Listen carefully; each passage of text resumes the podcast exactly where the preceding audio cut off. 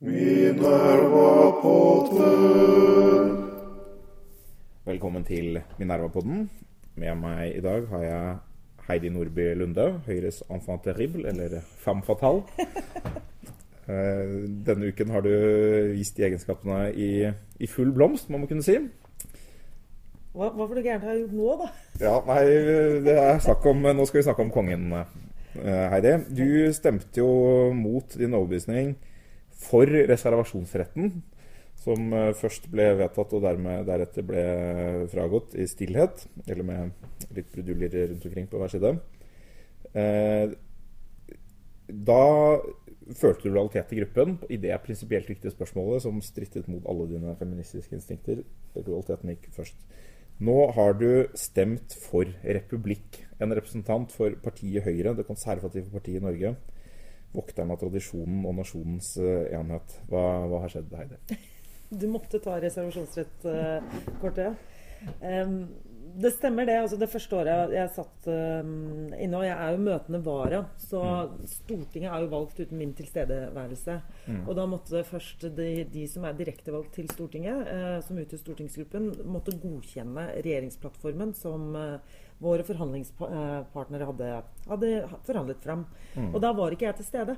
Nei. Hvilket betydde at når de hadde godkjent eh, at vi skulle innvilge leger reservasjonsrett, eh, så, så var det grunnlaget for at regjeringen ble dannet. Ine Marie Eriksen Søreide ble forsvarsminister, og jeg kom inn som møtende vara.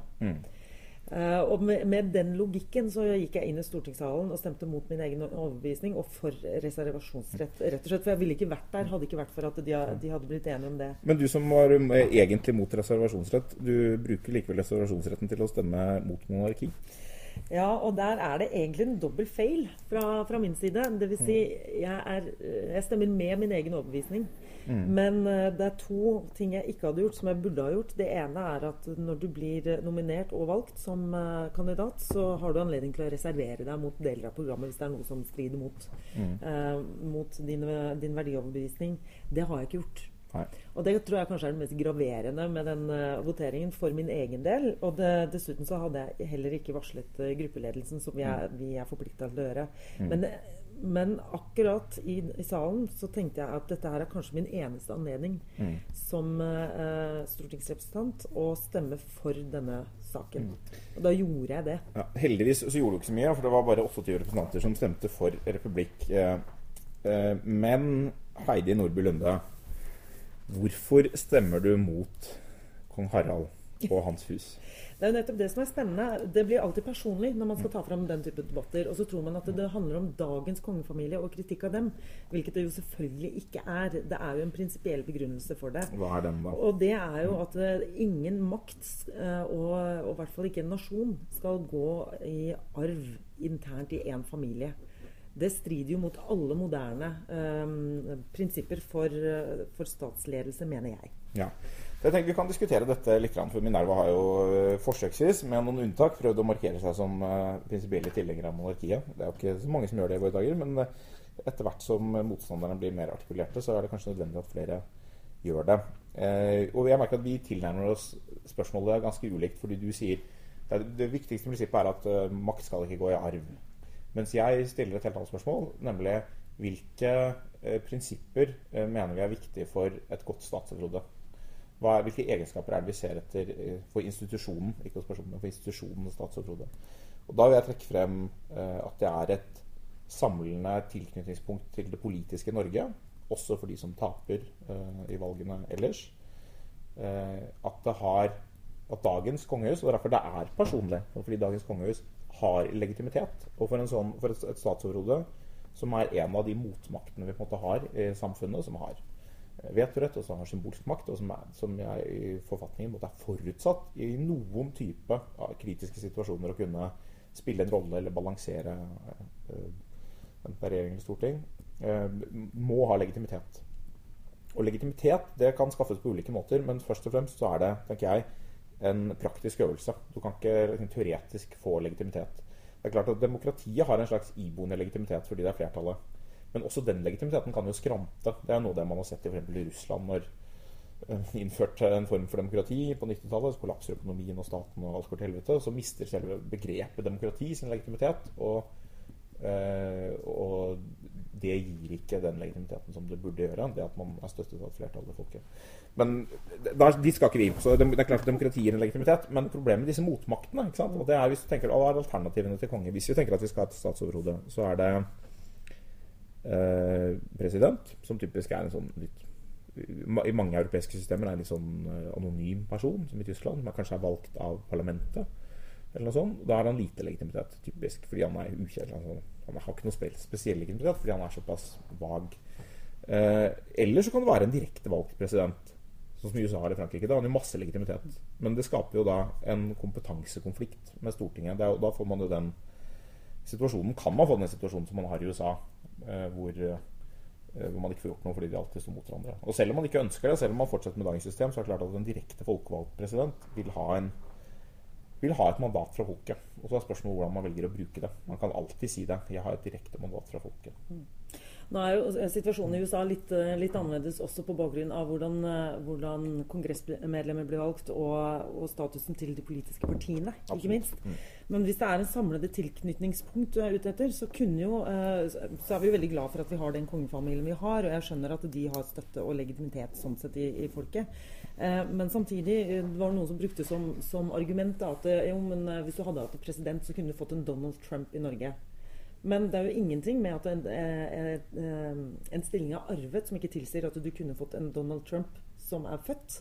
Nei, inn i kongerekken. Jeg tror det er litt sannsynlig, men det er mulig. Det er lite mm. sannsynlig, og man, kan, man, får håpe at det her ikke Nettopp fordi at man arver en, en posisjon, så, så, blir man på en måte uh, groomet for det gjennom hele livet. På, på, hvilket ansvar man har, og kanskje derfor blir en, en bedre kandidat enn de aller, aller fleste.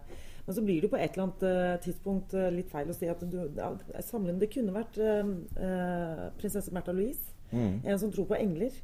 Uh, og tror hun snakker med, med, engler og dyr og, og tror på, på dødsriket. Og, og, og, hvor samlende ville det vært med hennes geman? Nei, det ville ikke vært så samlende. Men det er, ikke, tenker, altså, det, det, er selvfølgelig et argument. Man vet aldri. Jeg vil bare si ting, tre ting til det. Det ene er at uh, det er ikke sikkert Marte Louise hadde vært akkurat den hun er hvis hun hadde vært kronprinsesse. Uh, men selvfølgelig så kunne jo folk dør og ting kunne skje. Så hun er jo arvetronen. Så jeg anerkjenner at det er en mulig problemstilling.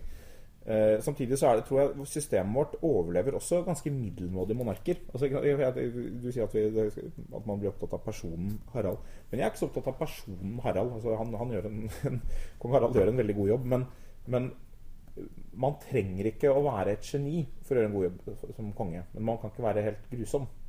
Men mye av legitimiteten og mye av den samlede funksjonen ligger i en, en, lang historikk som går utover den enkelte personen. Det er institusjonen som samler, og ikke personen? Er, altså, det, det, personen er ikke irrelevant, eh, men man tåler en del. Men det siste er at hvis vi hadde fått en uh, veldig dårlig konge, eh, liksom bare tilfeldigvis eh, det var Genene slo eh, var ikke med oss, og, og ting gikk galt, eh, så ville vi kunne avskaffet monarkiet. Så spørsmålet er har monarki demokratisk legitimitet.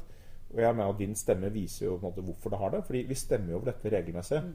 Sånn at hvis vi hadde fått en, en, konge eller en dronning eller en tronarving som vi var, følte at dette går ikke bra, dette spiller ikke lenger den fyller ikke lenger den funksjonen som vi ønsket, da ville vi nok også avskaffet monarkiet. For det er avhengig av folket. I siste instans så er folket suverent. Jo, men, men på en annen side så ville det, det ville jo tatt tid i og med at den type grunnlovsendringer ville gått gjennom uh, måtte gå gjennom to perioder. Så skal ikke ting ta litt tid i et konservativt samfunn? Jo, jeg er helt enig i at og særlig så store endringer skal gjøre det. Og så sier du at ja, vi stemmer over dette regelmessig nettopp fordi at uh, eh, SV foreslår det i hvert fall én gang i perioden. Men man har jo egentlig ingen seriøs debatt rundt temaet. Og jeg tror heller hvis man hadde hatt, altså hvis dette hadde vært en realitetsdebatt, en realitetsvotering hvor mm. rep eh, representantene i Stortinget var stilt fritt, så kan det hende at det hadde sett veldig annerledes ut. Jeg tror fortsatt det ville vært et flertall for. Mm. for jeg, folk liker ikke endringer. Nei, men, altså jeg, jeg synes at problemet er, Hvis du ser på mediene, jo, har jo endret dekningen av kongehuset betydelig de siste ti årene. Og det kan man si på mange måter er bra. Jeg er for enig i at det er eh, riktig og nødvendig at kongehuset dekkes på en alminnelig journalistisk måte. Uh, samtidig så er det åpenbart at hvis du ser på journaliststanden, så er antall republikanere veldig veldig, veldig mye høyere enn i befolkningen ellers. Det er jo ikke den eneste måten journalister skiller seg ut på, men de skiller seg ut også der. Eh, og det gjør de nok en del andre klasser som kanskje er nærmere Stortinget, også enn blant folk flest. Altså, støtten til monarkifolket er sånn ca. 80% av de som har gjort seg opp en mening. Varierer litt over tid, noen ganger er det litt lavere. Eh, og andelen som syns at kongen gjør en god jobb Og her er vi litt sånn på Saddam Hussein-tall, så det er kanskje ikke helt bra, men 93% approval rating var det siste jeg så. Jeg, jeg erkjenner at det kanskje er for høyt. Eh, men, jeg, men jeg tror et problem her er, at det er at de som er, er mot monarkiet, de har på mange måter vært flinke til å formulere betingelsene man diskuterer det på, hvis man først diskuterer det. Man gjør det ikke så ofte, men hvis man diskuterer det, så er det en forståelse av hva er det som er prinsipielt, eh, som fører til at en del av de som er for, sier jeg er jo i prinsippet mot, men i praksis for. Og jeg tenker at det er en, eh, det er en litt kronglete holdning å ha. Altså, det er antagelig grunner til at vi er for. Vi må klare å formulere dem, men det er for få som har klart å formulere dem. Bl.a. fordi man ikke har blitt tvunget til det. Nettopp det der. En realitetsdebatt kunne vært nyttig. Men jeg, men jeg syns ikke det er noen tilgivende faktor at man, man, får lov til å gå gjennom livet og være for et eller annet uten å måtte begrunne det rasjonelt. Men jeg vil si, stille samme utfordring tilbake. Da. I dag nå har vi sett at uh, uh, Torbjørn Røe har kritisert, uh, eller i hvert fall stilt spørsmål ved hva det betyr at Hadia Tajik stemte mot Eh, mot monarki, sammen med eh, det var vel 18 representanter fra Arbeiderpartiet, hvorav ganske mange av de unge. Anette Trettebergstuen og en del andre. Hva det betyr at liksom, den unge generasjonen i Arbeiderpartiet, den nye ledersjiktet på mange måter, eh, har det standpunktet. Og Tajik eh, prøvde å berolige folket med at ja, dette er jo ikke noe aktuelt tema. Jeg tenker så, Det er jo nesten en like sånn eh, problematisk tilnærming som det å si jeg er prinsipielt eh, imot, men i praksis for. Det er at man sier, at man sier jeg, jeg er mot Eh, men jeg, jeg, men jeg vil ikke ta konsekvensen av det likevel. Ja, jeg syns også det er en, en, feig tilnærming. For jeg tenkte at når jeg først har stemt, stemt, slik jeg gjør, så skal jeg også stå for det den dag gruppa finner ut at jeg, eh, jeg burde egentlig få litt kjeft for dette her. Mm. Eh, men Hadia Tajik er jo et veldig godt eksempel. fordi eh, hun, vil jo også da, hun er jo en kronprinsesse internt i sitt parti. Mm. Og hun vil jo også groomes oppover etter hvert som hun eh, Nå sitter hun i ledelsen. Og jeg vil tippe at skulle hun bli partileder, så vil hun endre standpunkt på dette her over natten. Mm. Vil, vil, du også det hvis du blir partileder, Heidi? Det er en så hypotetisk forestilling at det trenger jeg ikke tenke meg om eh, på en gang. Jeg håper jo ikke at det endrer på mange av, av mine standpunkter, men som partileder så skal du i hvert fall være lojal til uh, programmet. Ja. Uh, vi snakker, skal gå videre til et punkt hvor du for så vidt uh, så vidt er lojal til programmet, men hvor programmet vil endre seg. Eller kanskje programmet ikke er lojal til meg. Programmet ikke er lojal til deg. Det er problematisk. Og da snakker vi om skatt. Ja. For du har uh, uttalt deg litt kritisk til de signalene som kommer fra programkomiteen om at skatteletter ikke lenger er så viktig for partiet. Uh, si litt om det. Jo, altså jeg, jeg, mener at det signaliserer en mangel på ambisjon på hva vi vil med omstilling i Norge. Og det er, jo, eh, det er jo flere ting som vi ser. Og jeg mener at Høyre har villet ønsket dette her uavhengig av en synkende oljepris og uavhengig av migrasjon. Dette burde ikke endre Høyres standpunkter overhodet. Fordi vi har jo ønsket en omstilling av staten. Vi ønsker å stekke, trekke staten tilbake. Um, og dermed også gjøre den mindre. Um, redusere omfang og ansvar. Og overføre mer til privat sektor. Da blir det veldig feil for meg at vi skal også redusere ambisjonene om skattelette. fordi det er to ting Enten så har vi da sagt at staten slik den er i dag, er perfekt organisert. Vi har ingenting å hente på å, å omstille det offentlige. Um, og eventuelt begynne å prioritere hva vi faktisk bruker penger på. Det tror jeg er feil. Mm. Det tror jeg ikke er riktig. Jeg tror det er mye å hente på å, å gjøre ting annerledes og organisere Norge annerledes. Um, og det andre er jo at vi, det er et maktforhold mellom, mellom stat og individ som syn, uh, synliggjøres gjennom nettopp uh, økonomien og hvem som, uh, hvem som, sitter og tar inn skattepengene. Så jeg mener at vi fortsatt kan ha en ambisiøs skattepolitikk nettopp fordi at vi skal ha ambisjoner om omstilling også av offentlig sektor. Og når du sier ambisiøs skattepolitikk, hva, hvilke skatter er det vi snakker om da? Er det å fjerne formuesskatten helt og fortsatt null arveavgift? Eh, eller er det mer aggressiv satsing på inntektsskatt? ja, nå er Vi jo i en, en, Vi skal jo ha en større skattedebatt i Stortinget nå, nå snart i forbindelse med, med um, skatteforlik um, og, og, skattereform. Og Der jobber vi jo bl.a. med å få redusert bedriftsskatten. Det gjør vi jo ikke bare av omstillingshensyn, men fordi at vi tror at det vil føre til mer investering i norske eh, arbeidsplasser. At, man, at, vi i hvert fall ikke taper skattekonkurransen med våre nærmeste naboland på hvor bedrifter skal etablere seg. Mm. Men ja, eh, det handler også om å opprettholde det at vi ønsker å, å redusere formuesskatten og på sikt fjerne den. Mm. Eh, og generelt redusere på skatter og avgifter der vi, der vi, ser at det er nyttig, eller at det hindrer enten omstilling hindrer muligheten for arbeidsplasser.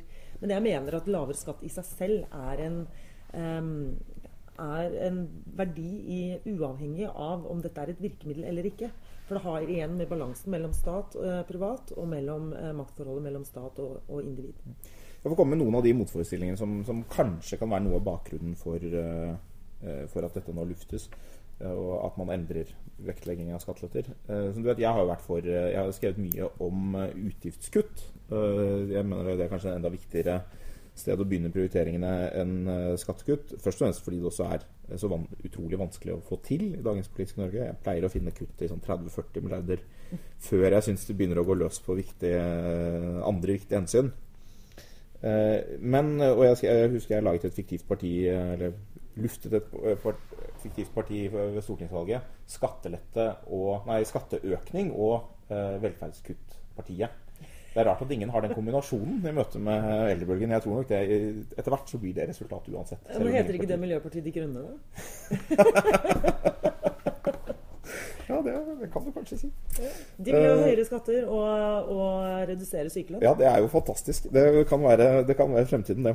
Uh, men, uh, men, det som er, kan være noen argumenter for at man nå toner litt ned dette med skattelette er noen av de utføringene som du nevnte, som du mente ikke burde spille inn. Men altså innvandring og for så vidt, for så vidt oljeprisfallet også. Som, når vi ser rundt oss i Europa, så ser vi at veldig mange steder så er denne så, så er det en økende polarisering eh, politisk, økende spenning politisk, som både går på klasse og på etnisitet. Uh, og det har jo bl.a. ført til fremveksten av populistpartier i de fleste land. Uh, kan diskutere hva man tenker om den norske situasjonen, men hvis du må se på Europa, så er det både på høyresiden og på venstresiden. Enten det er liksom Front National i Frankrike eller uh, Gyllent daggry eller Syriza for den del, eller de ulike populistpartiene som har dukket opp uh, i Spania og, og Portugal. Det kommer den type partier. Og så har vi da valgkampen i USA, som har sendt litt sånn sjokkbølger gjennom politisk analyse mange steder, men som, som viser konsekvensene av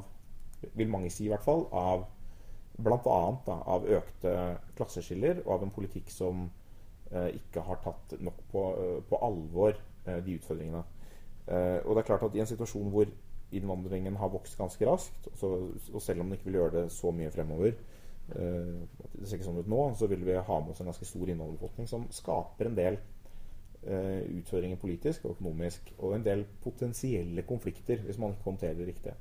Og da er vel spørsmålet om eh, om det ikke på en måte blir viktigere enn før. og det er det konservativ vil liksom ikke bare starte med sånn første prinsipp, men hvor viktig er det å hindre ulike former for ulikhet akkurat nå? Hvor viktig er det å sørge for at folk føler at de er inkludert og tatt på alvor i den politiske prosessen akkurat nå? Eh, og på hvilken måte? Tenker du noe om Påvirker det noe hvordan du ser på det? Jo, absolutt. Eh, det er mange store utfordringer. Men samtidig så har vi allerede et offentlig forbruk som ligger, uh, ligger altfor høyt i forhold til vi, uh, hvor vi burde. Det som ikke er bærekraftig, er det offentlige forbruket. Ikke mm. om vi klarer oss å redusere f.eks. For formuesskatten, som utgjør kanskje 13 milliarder i året, mm. av et statsbudsjett på, på 1500 milliarder. Det er klart at det er, burde være mulig. Og bare et eksempel på offentlig pengebruk er, eh, er en kronikk som Michael Tetzschner faktisk eh, publiserte for, for, et par uker siden i Aftenposten, hvor han stiller spørsmål hvorfor eh, stiller ikke flere spørsmål ved, ved, hvor 26 milliarder norske kroner har blitt av. Hvilke 26 milliarder er dette? Dette her er 26 milliarder eh, kroner som Norge har gitt i bistandsmidler eh, over en tiårsperiode, som ingen klarer å gjøre rede for hvor har blitt av. Vi ser ingen resultater av dem. Uh, vi vet hvilket land, hvilke land de har gått i, men det er ingen som klarer altså, å gjøre rede for hvor, hvordan de har blitt disponert, og hva, hva, som, uh, hva, de har blitt brukt til. Og jeg tenker at hvis vi, for det første, hvis vi hadde hatt samme resultatkrav til offentlig pengebruk som vi har til resultater av skattelette, så ville norske budsjetter sett veldig annerledes ut. Um, og jeg mener at det er bare et eksempel på hvor godt vante vi har blitt i Norge. At vi kan bruke 26 milliarder, ikke få noen resultater, og ingen reagerer. Det, gir, uh, det signaliserer i hvert fall til meg at her er det rom for uh, ganske kraftige forbedringer og prioriteringer i de offentlige budsjettene. Og det gjør jo at vi kan fortsatt bruke det samme som vi gjør i dag, på helse, på skole, på innovasjon, samferdsel og alt det som er viktig for nasjonen Norge for å skape vekst og velferd som inkluderer alle. Så jeg er også opptatt av inkluderende vekst. Men jeg mener at det faktisk ikke er en motsetning mellom skattelette og å gjøre det. Men eh, skatt, når du fremstiller det sånn, så man, blir man minnet om at altså, skattelette vil være avhengig av at man klarer å lykkes med disse utgiftskuttene. Og det, det slo meg litt, Vi var inne på det i en tidligere utgave av Minerva-poden, Rattsø-utvalget. Eh, hvor eh, Ratse, Jørn Ratsø Produktivitetskommisjonen, var på Dagsnytt 18 sammen med Siv Jensen og Marianne Martinsen og eh, han da snakket om det samme som du at vi har vært så godt vant at vi har ikke egentlig tatt effektivitet i offentlig sektor på alvor. Det gjelder både i administrasjonen, men også i alle de offentlige utgiftene. Altså vi stiller ikke som du sier, vi stiller ikke på de, samme kravene for å vite at en, en ytelse fungerer, som vi gjør til å vite at skattelette fungerer. Hvor Norge er et av veldig få land hvor skattelette nærmest i seg selv er negativt. Selv, vi, selv når vi ikke trenger pengene. på en måte. Og Da svarte Siv Jensen med at regjeringen har iverksatt en nærpolitireform som muligens, eller muligens ikke sparer en titalls million, titalls million kroner, men høyst sannsynlig ikke. Men kanskje gir noen bedre resultater. og Marianne Martinsen svarte med at Fremskrittspartiet hadde vært mot pensjonsreformen, som for er sant. Men det viser på noe hvor vanskelig det er. At også i en sånn situasjon hvor de sier ja, dette må vi ta på alvor, dette er fremtidsutfordringer, så er det ingen som vil si et ord verken om sykelønn eller om uh, Som er på den store elefanten i rommet, eller uh, sykehussektoren, som er pensjon, hva man skal gjøre med pensjonen videre. Eh, eller med andre poster, som eh, all støtten til sivilsamfunnet, eller eh, hvor det nå vil gå. Ja. Så det, Tror du at du kan få gjennomslag for da? Altså, er, det er det noe realisme i gjennomslag for kutt? her det, det, er det som er utfordringen. Jeg, tror, altså, jeg ønsker skattelette for å bl.a. Eh, få fortgang på den omstillingen i offentlig sektor som vi vet må komme før eller siden. Og akkurat nå så har vi evnen til å kunne ta den på en kanskje mildere måte enn det vi må om, om 10-15 år. Men, uh, så, så, det er for å legge press på nettopp statsfinansene og, mm. og tvinge gjennom noen av de omstillingene. Men, Men Norge er fortsatt mm. i en særstilling. Mm. Og, og, et annet eksempel som jeg har, har brukt, som er et sånn yndlingseksempel, er at regjeringa har jo faktisk foreslått um, å, å, redusere antall kommunale kemnerkontorer fra 288 kontorer som i dag, til 27. Noe som man faktisk mener ville både eh, styrke fagmiljøene for å bekjempe svart arbeid, og samtidig spare 360 millioner kroner. Mm. Noen av disse kemnerkontorene har bare en stilling på 0,20% altså én dag i, i uka. Eh, det stemmer et flertall i Stortinget mot av distriktshensyn. De ønsker å opprettholde de arbeidsplassene i, eh, i, hele Norge. Eh, fordi at du skal ha kompetansearbeidsplasser i kommunen. Mm. Men det de faktisk da sier, er jo at de ønsker altså, du bruker 360 millioner kroner på å subsidiere arbeidsplasser du egentlig ikke trenger. Men dette er jo småpenger, eh, Heidi. Jo, men vet du hva? Og der har du akkurat holdningen. Så lenge vi omtaler 360 ja, ja. millioner kroner som nei, nei, småpenger men Man må gjerne gå inn for å kutte. Men jeg bare, bare sier at heller ikke regjeringspartiene går løs på de store postene. Eh, og da er det vanskelig å se for seg at man eh, kan finansiere eh, skatteletter på den måten. Og så lenge vi har type en, altså prosentmål for penger man skal gi bort, mm. både i bistandsmidler og i kultursektoren, mm. så vil vi ha en utfordring med å finne uh, Til å kunne faktisk drive med resultatmåling av de pengene. Mm. For du skal jo gi 1% uansett om du får resultater eller ikke. Men tenk om du fikk altså Det er derfor jeg tenker på spenninger i samfunnet. fordi hvis man kuttet mye til sivilsamfunnet og F.eks. i sykelønnen eh, og andre ordninger som går til mennesker som tross alt kanskje føler at de ikke har trukket vinnerloddet i livet. Og man gjør det i samme budsjett samtidig som man eh, kutter i f.eks. formuesskatten. Altså, Én ting er hva man mener om de underliggende både politiske og økonomiske realitetene, om det er riktig å gjøre det eller ikke. Noe annet er om det faktisk bidrar til å styrke eh, motsetninger, polarisering. Er, det, er du bekymret for det, eller mener du vi tåler fortsatt større, noe større ulikhet? Ja, altså jeg, jeg, mener for det første at vi, vi, i Norge i dag så, så, tåler vi noe mer ulikhet. Selv Piketty, som var liksom uliksdebattens far, han skriver jo uh, at det viktigste for oss å utjevne um, uh, ulikheter er egentlig tilgang til utdanning. Det har du i Norge skattefinansiert sådan opp til universitetsutdannelse. Den er, tilgjengelig for alle. Og ikke minst at hele befolkningen har tilgang til eh, rimelige eh, og tilgjengelige helsetjenester. Og det har du. De to tingene er Norge overoppfylt på. Så kan du si at ville dette startet en polariserende debatt? Ja, definitivt. Men det er jo en politisk villet debatt fra bl.a. motstanderne av, av, å organisere Norge annerledes. Det er klart at det, det, den debatten ville blitt mer polarisert. Og jeg forstår at en som sitter og får endringer i sine ytelser, samtidig som uh, de rikeste i Norge kanskje får, uh, får, skattekutt gjennom å kutte formuesskatten, syns at det er uforståelig. Men samtidig så har jo ansvaret for å bidra til omstilling i Norge, skape nye arbeidsplasser og, og sørge for at det er nok kapital til at vi faktisk kan eh, skape de arbeidsplassene som skal finansiere velferden vår for framtida. Vi må jo kunne faktisk tenke begge tanker samtidig. Mm. Og, og, faktisk, all, um, I går i, i, Dagens Næringsliv så skrev Menon, som Arbeiderpartiet har brukt som et sannhetsvitne for at uh, kutt i formuesskatten uh, ikke virker, de skriver det motsatte, nemlig at uh, skattekutt gir omstilling. Mm. Og de sa, sier nå at eh, tidligere, når du kun ser um, formuesskatten i, i, et fordelingsperspektiv, så er det helt riktig. Da er det feil å kutte den. Men i et omstillingsperspektiv så er den faktisk en av de skattene som regjeringen burde kutte, nettopp for å øke omstillingsevnen. Og den omstillingsevnen som vi snakker om, hvis vi mener det vi, vi sier, så bør vi jo se på også eh, kutt i formuesskatten.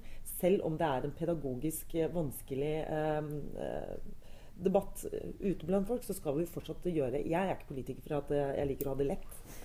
Jeg er her også for å ta de, de, tøffe debattene, og dette er en debatt jeg mer enn gjerne står i. For å parafrisere John F. Kennedy, vi skal kutte i formuesskatten ikke fordi det er lett, men fordi det er vanskelig. Derfor. Derfor det, det, da ville jeg valgt å bruke ordet vridningseffekten. Det er et vanskelig ord å forklare, men en av de viktigste argumentene for å redusere formuesskatten. Jeg, jeg ønsker deg lykke til med å gå rundt og omstille Norge videre, Heidi, men du får ikke lov å omstille så mye at du får gjøre noe om kongehuset. Da, med det, det, som siste ord, så får jeg ønske deg godt landsmøte. Tusen takk for det. Og det var siste ord på Minerva-podden. Takk for oss. Minerva-podden.